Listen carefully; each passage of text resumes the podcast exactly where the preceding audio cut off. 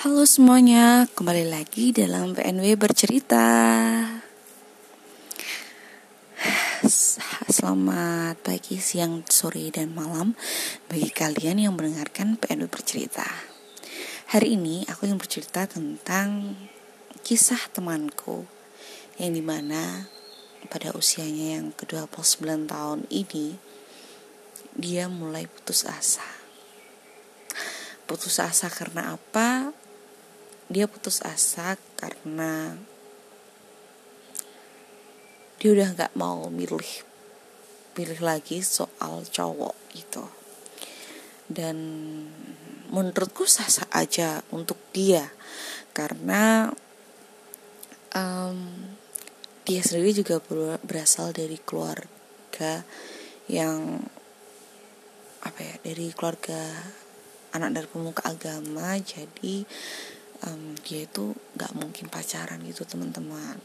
Ya jelasnya kebanyakan tuh dia tuh sering uh, kalau misalnya ada yang mau deketin atau mau sama dia gitu langsung bilang ke orang tua dan sama orang tuanya di istiqorohi dulu. Kalau baik ya lanjutkan kalau nggak ya enggak dan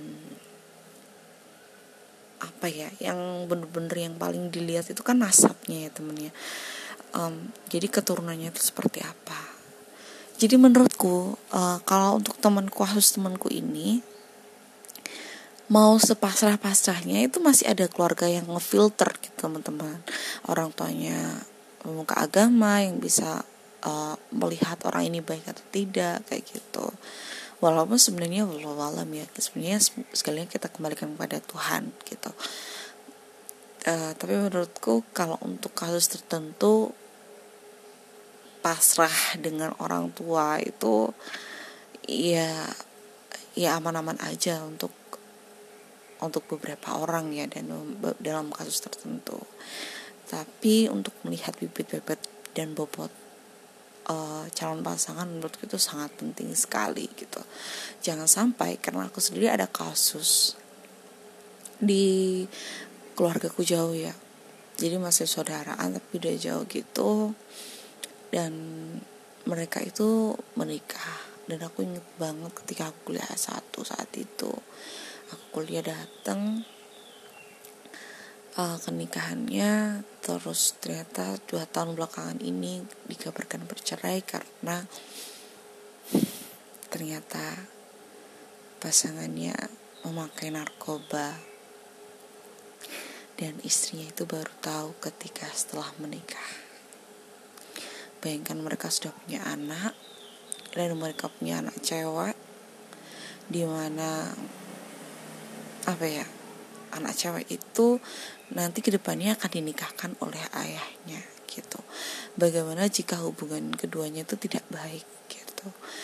Karena aku sendiri juga mengalami namanya broken home dan rasanya tidak enak sama sekali. Dan ini juga mempersulit diri kita sendiri sebagai anak itu mempersulit gitu. Atau mungkin ada cara-cara yang memuluskan gitu? Ada mungkin ya kalau lewat apa calo-calo untuk menguruskan gitu mungkin ada gitu. Tapi aku juga tidak tahu kesabsahannya itu gimana gitu.